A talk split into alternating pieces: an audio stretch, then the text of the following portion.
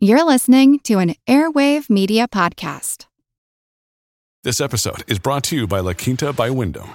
Your work can take you all over the place, like Texas. You've never been, but it's going to be great because you're staying at La Quinta by Wyndham. Their free bright side breakfast will give you energy for the day ahead. And after, you can unwind using their free high speed Wi Fi. Tonight, La Quinta. Tomorrow, you shine. Book your stay today at lq.com.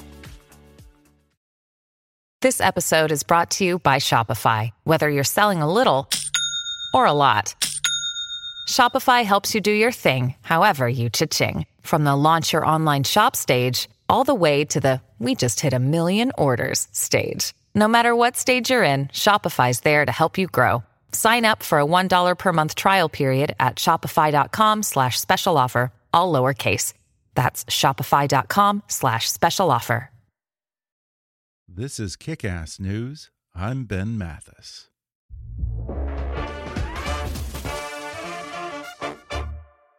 Kickass News is brought to you by Capella University. At Capella, you can fit earning a doctorate into your schedule. Get ready to set a new standard of success. Learn what it's like to earn a doctorate at capella.edu/slash doctoral journey. April 12, 1945. After years of bloody conflict in Europe and the Pacific, America is stunned by news of President Franklin D. Roosevelt's death. In an instant, Vice President Harry Truman, who has been kept out of war planning and knows nothing of the top secret Manhattan Project to develop the world's first atomic bomb, must assume command of a nation at war on multiple continents and confront one of the most consequential decisions in history. In a new book titled Countdown 1945, The Extraordinary Story of the Atomic Bomb and the 116 Days That Changed the World, Chris Wallace, the veteran journalist and anchor of Fox News Sunday, takes readers inside the minds of the iconic and elusive figures who joined the quest for the bomb and the untested new president confronting a decision that he knows will change the world forever. And today, Chris Wallace joins me on the podcast to reveal how Harry Truman agonized over the decision to use the atomic bomb, the surprising dissenter among his military generals who warned against it, and how Truman broke the news of the bomb to then ally and America's soon to be enemy, Joseph Stalin. He shares how the U.S. government managed to keep the enormous Manhattan Project a secret for so long, the many unknown variables that weighed on everyone involved in the mission, including the crew of the Enola Gay, and his own touching experience of visiting the Enola Gay with an 80 year old Japanese woman who survived the Hiroshima blast. Plus, Chris talks about following in the very big footsteps of his father, legendary 60 Minutes anchor Mike Wallace, what he's learned from sitting down one on one with seven different U.S. presidents, and what it was like to be a 16 year old intern dating the daughter of the most trusted voice in news, Walter Cronkite.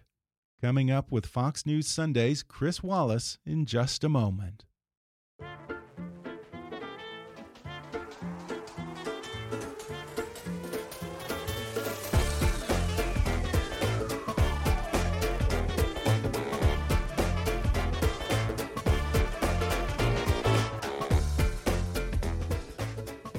Chris Wallace is the anchor of Fox News Sunday. In his 16 years at Fox, Wallace has covered almost every key political event. Throughout his five decades in broadcasting, he has interviewed numerous U.S. and world leaders, including seven American presidents, and won every major broadcast news award for his reporting, including three Emmy Awards, the DuPont Columbia Silver Baton, and the Peabody Award. He's also the author of Character Profiles in Presidential Courage and now he's out with a new book, which he co authored with award winning investigative journalist Mitch Weiss. It's called Countdown 1945 The Extraordinary Story of the Atomic Bomb and the 116 Days That Changed the World. Chris Wallace, thanks for joining me. Good to be with you, Ben. Well, before we get to the book, I would love to ask you a couple of questions about your illustrious career in journalism. First off, when you were a young cub reporter, I've been told that you dated Walter Cronkite's daughter. How intimidating um, was Cronkite? You're half right. I Am was I? not a cub reporter. Oh, okay. I was 16 years old, and it was my first job. Uh, I got to be an intern at the at the conventions in 1964. Can you imagine? Wow. That's how old I am. I was 16 years old, And uh, it was the Republican convention, Barry Goldwater, just outside San Francisco. And my job was to be a gopher for Walter Cronkite, go for coffee, go for pencils, things like that. But in addition, uh, I met Walter's daughter, Nancy. I was 16, she was 15. Uh, and she was just glorious. So, yes, um, I, I had a great professional uh, experience, and uh, she was my first girlfriend. Yeah. So I guess I had a good personal experience too. Uh, how intimidating was Cronkite? Did he ever give you the third degree? You know, hey, son, if you hurt her, I'll kill you. That sort of thing. And that's the way it is. And no, uh, he did not. Uh, he was very nice, and I think I was actually a lot. Uh, I, I, was a, a, lot better behaved than some of the other gentlemen callers. So I think he was probably relieved yeah. that uh, that I was there and not some of the other bad boys. Yeah. Did he ever give you any advice about being a journalist? Listen, I had a father in the business. Right. I had a stepfather in the business. The last I needed was Walter Cronkite. You know, I would say this about advice anyway. Um, and I say this as a parent uh, of six children. I, I generally think in life, it isn't what you say, it's what you do. Uh, that's what people model. Mm-hmm. Uh, children model themselves over, or mentees uh, model themselves after their mentors. And and what I would say for Walter and for my dad is that just watching them in action was the best advice. I remember I was down in Florida. Uh, this was at the conventions in '64 in Florida. In '65, I went to a Gemini space launch, and I, one of the things that I saw was that Cronkite had a kind of um, a, a, timeline that had been written out of every minute of the mission and what was supposed to happen, what rocket was supposed to fire, what reentry system was supposed to work, what they were supposed to do.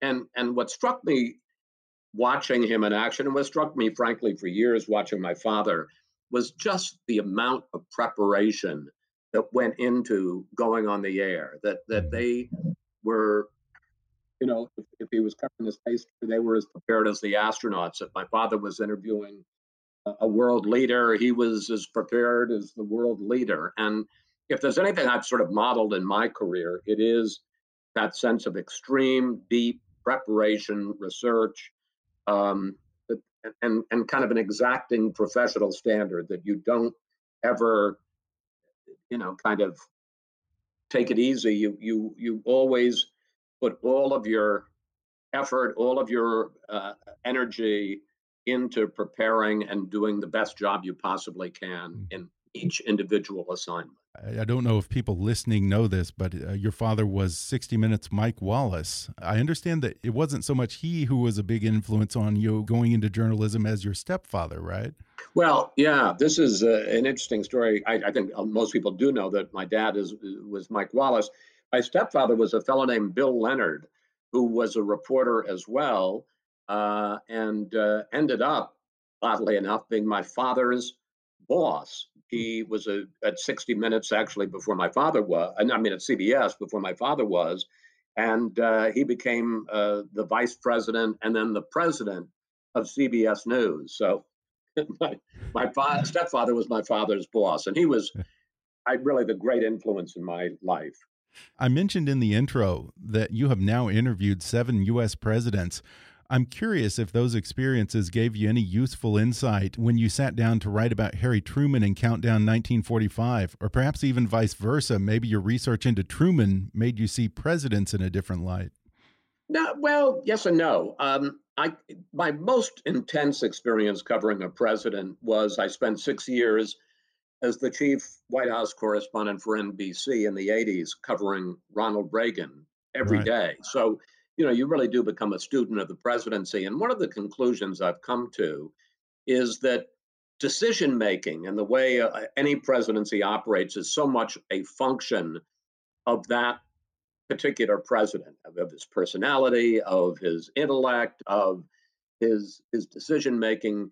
So I've become a student of that. Right. And I want to get into that aspect of it with Truman because here's a guy who was really on the outside of the Roosevelt presidency, and suddenly he has to play catch up, and not just with the bomb, but with everything. I'd say few presidents have been so greatly tested and tested so early in their terms as Truman was. Is that what interested you about his story? That ability to get thrown into the deep end and rise to the challenge? That. And what impressed me in writing Countdown 1945, which is the story of how Harry Truman, uh, who was the vice president to Franklin Delano Roosevelt, Roosevelt suddenly dies, and Truman who's only been vice president for less than three months, 82 days, suddenly becomes the president. And he finds out that night something he didn't know at all, even though he was vice president, which was that the Manhattan Project had been going on for three years and that the US was then on the cusp of developing the first atomic bomb and that this might be the way to end the war in Japan, uh, the Second World War. And so in 116 days, Truman goes from knowing nothing about the bomb to deciding to drop it on Hiroshima. That's what the story of Countdown 1945 is. Well, the common narrative that we hear about Truman is that once he made up his mind to use the atomic bomb, he pretty much slept like a baby that night and never looked back. But I was surprised to learn in your book that he really struggled over that decision in the months and weeks leading up to Hiroshima. What was that decision process like for him? people have this sense of Harry Truman, the buck stops here, that he was able to make uh, decisions very quickly and never look back. He couldn't sleep at night when he was making the decision. He suffered from searing headaches. He wrote the, in his diary these very apocalyptic references. He fully understood that this was going to be unleashing, ushering in the atomic age with everything that might mean. And, uh, you know, he decided to go ahead, but he agonized over it. And as he agonized over that decision, what were some of the options and possible outcomes that he weighed? Several things. First of all, how incredibly meticulous he was. He went over the big decision he had to make was was he going to invade Japan? And there was going to be a very steep cost. This is uh, the spring of 45. All of his best generals were telling him it was going to take at least another year and a half it might result in a half a million American casualties. Uh, or he could wait and see if the bomb would work. It hadn't even been tested. But if he was going to use the bomb, if it did work, and as it turned out in, on July 16th, they found out it did, um, it was obviously going to be introducing a whole new technology and, an, and, and a weapon so much more powerful than anything that had ever been used before, the first real weapon of mass destruction. And of course, even though the buck stopped with Truman, as he famously said, he had a whole team of rivals helping him hash out all of those options and then rehash them over and over to make sure that no possibility went unconsidered before he finally pulled the trigger, so to speak. Apparently, he wanted that. He solicited a lot of input from his war cabinet, and he certainly got it. In fact, uh, he got a wide range of opinions from them. What kind of things did he hear from his advisors? So he was very meticulous over and over again. He keeps talking to the generals about what's the cost of invasion going to be, the scientists, what is the likelihood the bomb's going to work. He sought out dissent. There's one meeting early on where they're talking as if the bomb doesn't even exist. And, and, and General George Marshall, who was the head of the army, says you're going to need three quarters of a million troops. And they have this meeting about an hour. And finally, he turns to this very junior guy and he says, McCloy, nobody goes gets out of this meeting unless you know they've heard from. And McCloy says, I think we ought to have our heads examined if we don't at least discuss using the atomic bomb. And up to that point in that meeting, nobody had ever discussed the bomb in the meeting. So he was always seeking out the dissent. Yeah, one of the things that was so interesting to me is apparently Dwight Eisenhower was against the use of the bomb, even though it would have brought uh, Swift into the war and saved American lives. What were his reservations? Yeah, that very interesting. As he's making the decision to use the bomb, at one point he invites Eisenhower for the Supreme Allied Commander in Europe for lunch and asks him about the bomb. And Eisenhower says, I don't think you should use it. And I, I, agree. I was a little surprised at that because you would think a military man would want to do something to end the war, win the war, and lessen the number of casualties. But he basically said two things. One, that he was very concerned about the idea of the US being the nation to use this extraordinary weapon, just multiple times more powerful than any conventional bomb had been, to be the one to introduce that into warfare because he knew, understandably, the technology was not going to stay just with the US. It would spread, as it has, around the world. And two, that he believed, as did MacArthur, the, the head of uh, forces in the Pacific, that Japan was in effect beaten already and would surrender sooner rather than later. And again, that you didn't need to use the weapon. As I was saying before, uh, Truman was very comfortable with dissent. In this particular case, he just didn't follow it.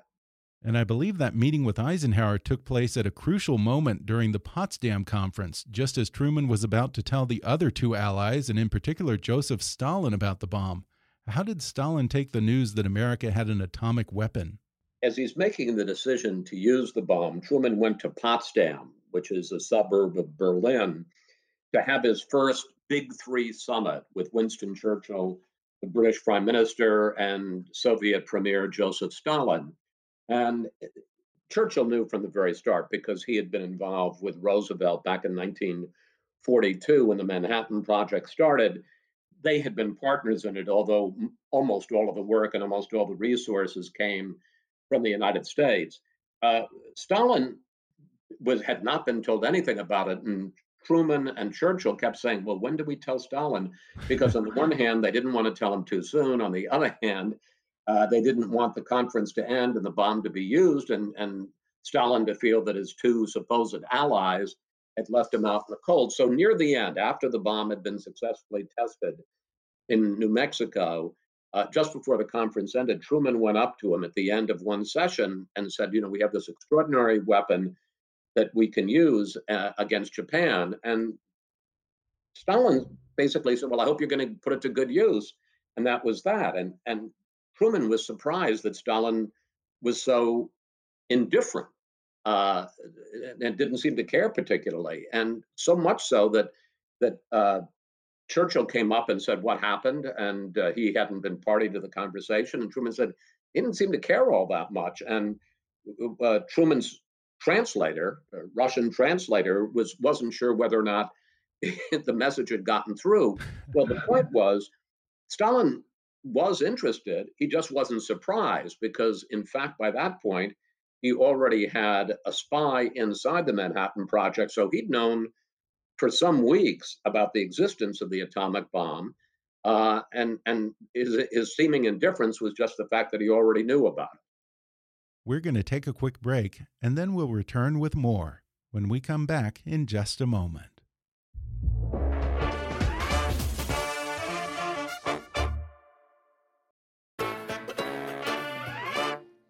And that brings up one thing that just astounded me. Stalin spy was really the exception to the rule. In general, the U.S. was able to keep the Manhattan Project under tight wraps for years leading up to Hiroshima, despite the fact that there were so many moving parts and people involved. I think well over 100,000 people, in fact. 125,000. 125,000. And yet somehow there were no leaks, intentional or accidental. And Chris, you know as well as anyone, that just doesn't happen, especially in Washington. How was the government able to keep this enormous undertaking a secret? Well, I agree with you. I had the same reaction that this would not be possible today. You had 125,000 people who worked over the course of three years from 1942 on in spots across the America, uh, Oak Ridge, Tennessee, a nuclear reactor, another reactor in Washington, State, you had the big laboratory in Los Alamos, you had the flight crew in Wendover, Utah, and it was didn't leak at all. I mean, part of it obviously was the technology. You know, think of all the things we have now that we didn't have then, like social media, like 24-hour cable news, television. Uh, and, and look, it was a war effort, and and people, uh, I think, probably had a different sense of of of patriotism and their particular role into it. In addition to which, even though there were 125,000 people working, an awful lot of them didn't have any idea what they were working on. And I'll give you an example. The, we uh, were able to find a woman who's still alive, 75. This is the 75th anniversary of the dropping of the bomb, named Ruth Sisson, and she was a called a Calutron girl. She was one of the women who who operated these Calutron machines, which in Oak Ridge, which were machines that you had to basically keep a meter uh, in a certain range on a on a on a dial by moving knobs one way or the other she had absolutely no idea what she was doing eight hours a day, five days a week. It turned out she was enriching uranium. So I think that was one of the ways they kept secrets was people were involved in the mission, but they they didn't know what the mission was. And in fact, there was an old our, uh, military joke at that time. My job is so secret, even I don't know what I'm doing. Well, it wasn't a joke; it was true. yeah, yeah, I love her story. She she kind of reminds me of an atomic Rosie the Riveter. exactly. yeah, I guess that uh, one hand didn't know what the other one was doing, and that's how they managed to do it. But I also wonder about the cost of it because this project cost two billion dollars. How were they able to get so much funding without Congress or the press asking questions? Well, uh, that's a that's a good question. The answer was that there was a you know a war project, and sometimes uh, the Congress would pass military budgets and not be told everything that was involved. And in fact, that was one of the questions that Truman, who had been a senator for years during the entire war until he became vice president uh, three months before uh, Roosevelt died, he was inaugurated in, in January of 20 of 1945 one of the things he wondered was how the hell did, and I probably used saltier language than that, how the hell did $2 billion get uh, appropriated and spent? None of us had any idea what was going on. He was the head of something called the Truman Committee, that uh, was a committee of Congress that was supposed to kind of ride herd on defense spending and you know make sure that it was being done properly. And at one point, he started poking around on what was going on at an installation in Washington state. And Henry Stimson, the Secretary of War, uh, called him up and he said, You know, uh, Senator Truman, I just want you to know that I, I'm well aware of that project. The money is being well spent. And I, you know, basically, I need you to back off. And Truman said, Look, if you tell me that it's good and it's appropriate, I'm going to back off you know, again, very different from today. You can't imagine a senator mm-hmm. saying that to a secretary of defense. Uh, and Truman did back off. And later on, when Stimson finally briefed him as president on what the whole project was about, Truman understood and they talked about the fact, oh, that was the thing that you were trying to keep me away from. And one of the things that comes up a lot in this book is just how many uncertainties there were. No one really knew if the bomb would work when they dropped it. Um, another big uncertainty is, you know, would the Japanese really surrender after Hiroshima or even after Nagasaki?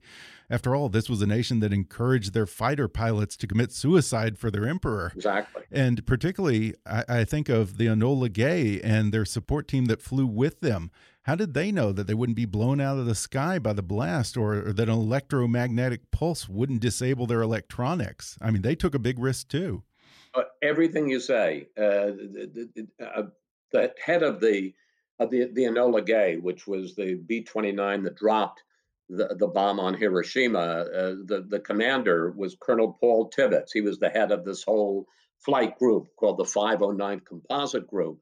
And they had so many questions. First of all, there was a real question whether the bomb would actually work. Um, Truman's chief of staff, Admiral Leahy, throughout the whole process kept saying, This is the biggest damn fool project I've ever heard of. This thing will never work. Even after the test, the successful test of it in the desert, he thought, Well, yeah, but you put it in a plane and you drop it from 30,000 feet, it's not going to work.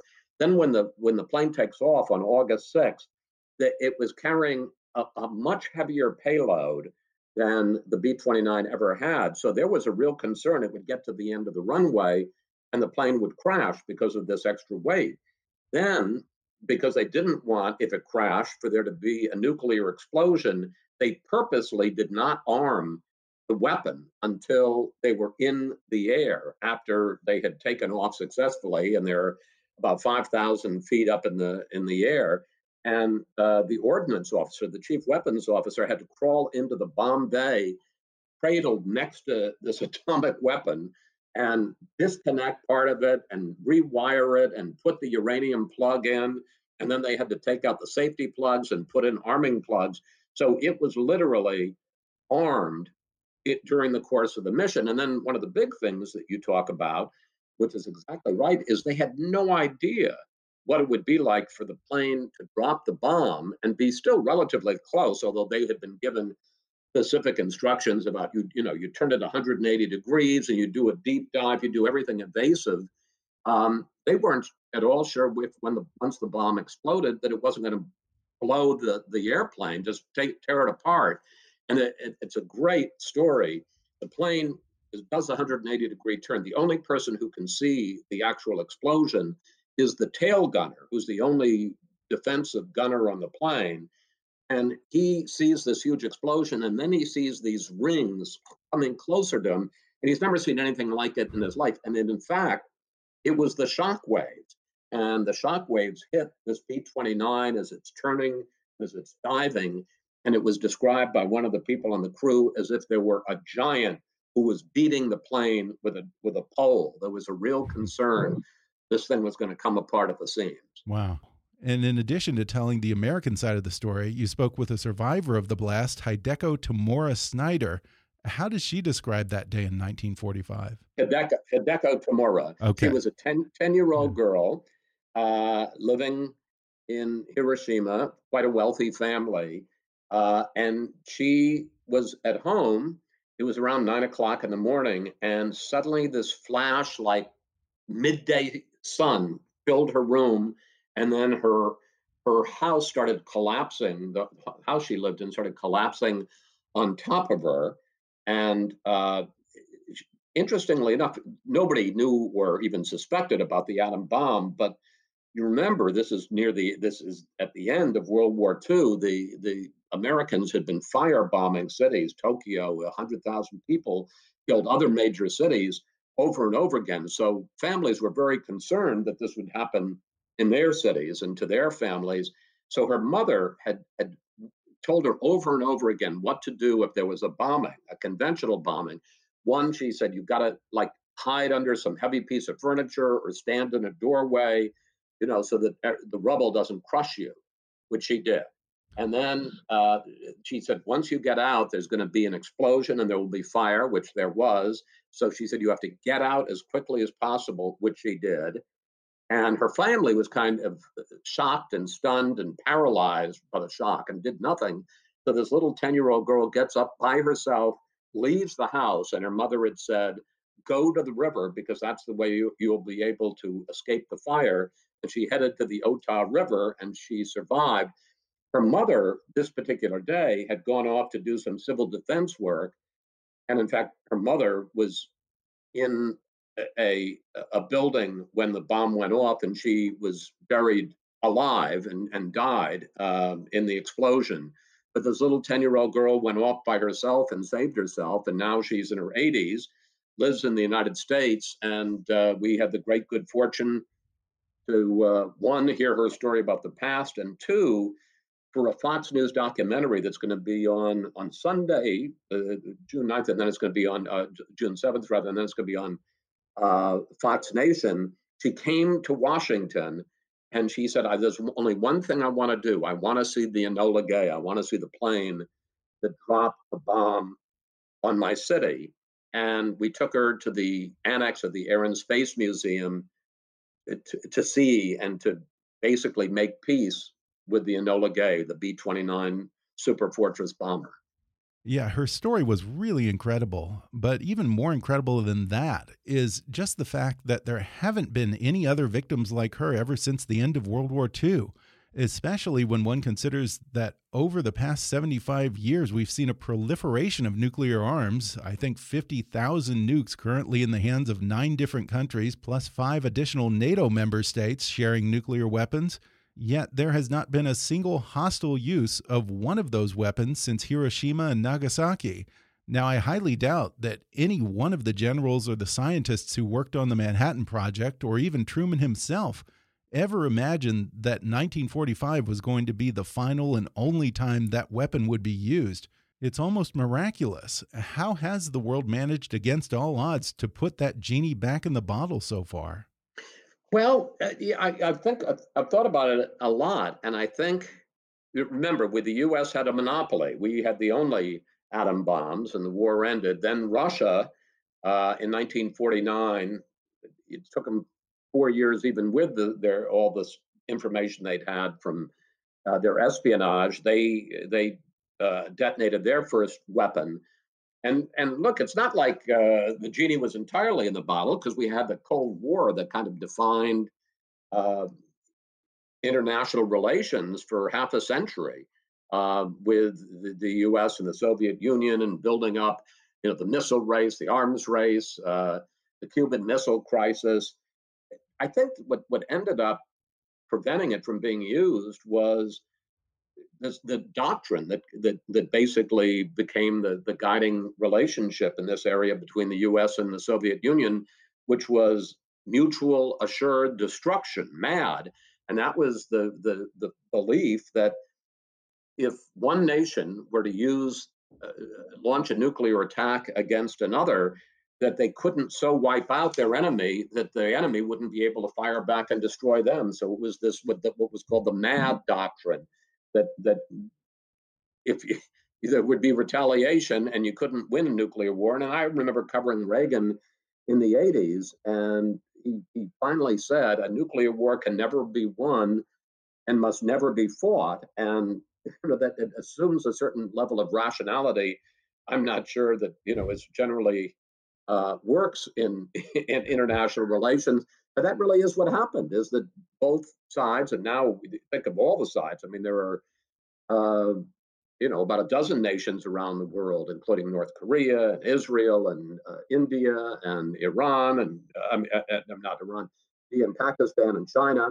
Who knows how where Iran is?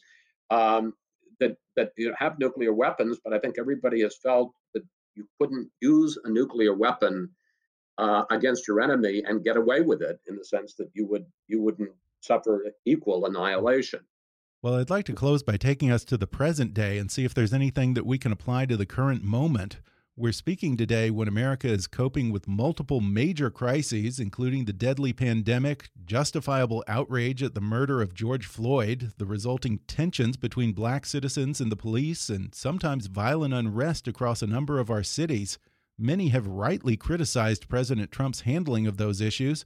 What do you think Donald Trump, or any other president for that matter, could learn from Harry Truman about making tough decisions in times of crisis? It's a good question. Um, I, I, I, certainly would say follow his decision making process. Be meticulous. Don't go with gut reactions. Talk to you know your your best people. Seek out advice, and in, in his case, from scientists and and and you know the president of Harvard, James Conant was part of the team. I mean, they he it was basically the best minds in America at the time. Seek out dissent. You know, in his case, talking to Dwight Eisenhower and and uh, you know hear all the arguments for and against it, and then if it's a big decision, take it as seriously as Truman did. Maybe you don't sleep at night. Maybe you get searing headaches. That that's not a weakness. That's a strength.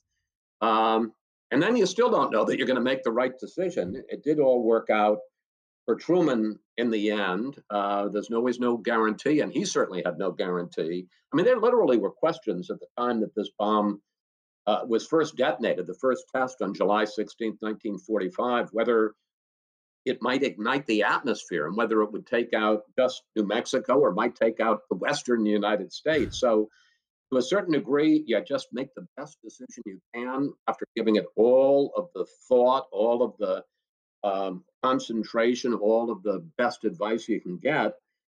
And then I guess you got to be lucky because uh, you know you don't know when you're making a huge leap into the future, as they were in Countdown 1945, that it's all going to work out. Well, again, the book is called Countdown 1945 The Extraordinary Story of the Atomic Bomb and the 116 Days That Changed the World. Chris Wallace, thanks for talking with me. Ben, thank you. It was a pleasure. Thanks again to Chris Wallace for coming on the show. Order Chris's book, Countdown 1945 The Extraordinary Story of the Atomic Bomb and the 116 Days That Changed the World on Amazon, Audible, or wherever books are sold. See Chris Wallace every weekend as host of Fox News Sunday and follow him on Twitter at, at Fox News Sunday. Today's episode is brought to you by Kronos. Kronos provides HR solutions for the modern workforce and the people who support, motivate, and engage them. They put HR, payroll, talent, and timekeeping on a single cloud based platform. Learn more about Kronos HR, payroll, talent, and time at kronos.com slash HR swagger. That's kronos.com slash HR swagger. If you enjoyed today's podcast, be sure to subscribe to us on Apple Podcasts and rate and review us while you're there. Five star ratings and detailed reviews are one of the best ways for new listeners to discover the show. You can also follow us on Facebook or on Twitter at, at KickassNewsPod and recommend us to your friends on your social media. For more fun stuff, visit kickassnews.com, and I welcome your comments, questions, and suggestions at comments at kickassnews.com. For now, I'm Ben Mathis, and thanks for listening to Kickass News.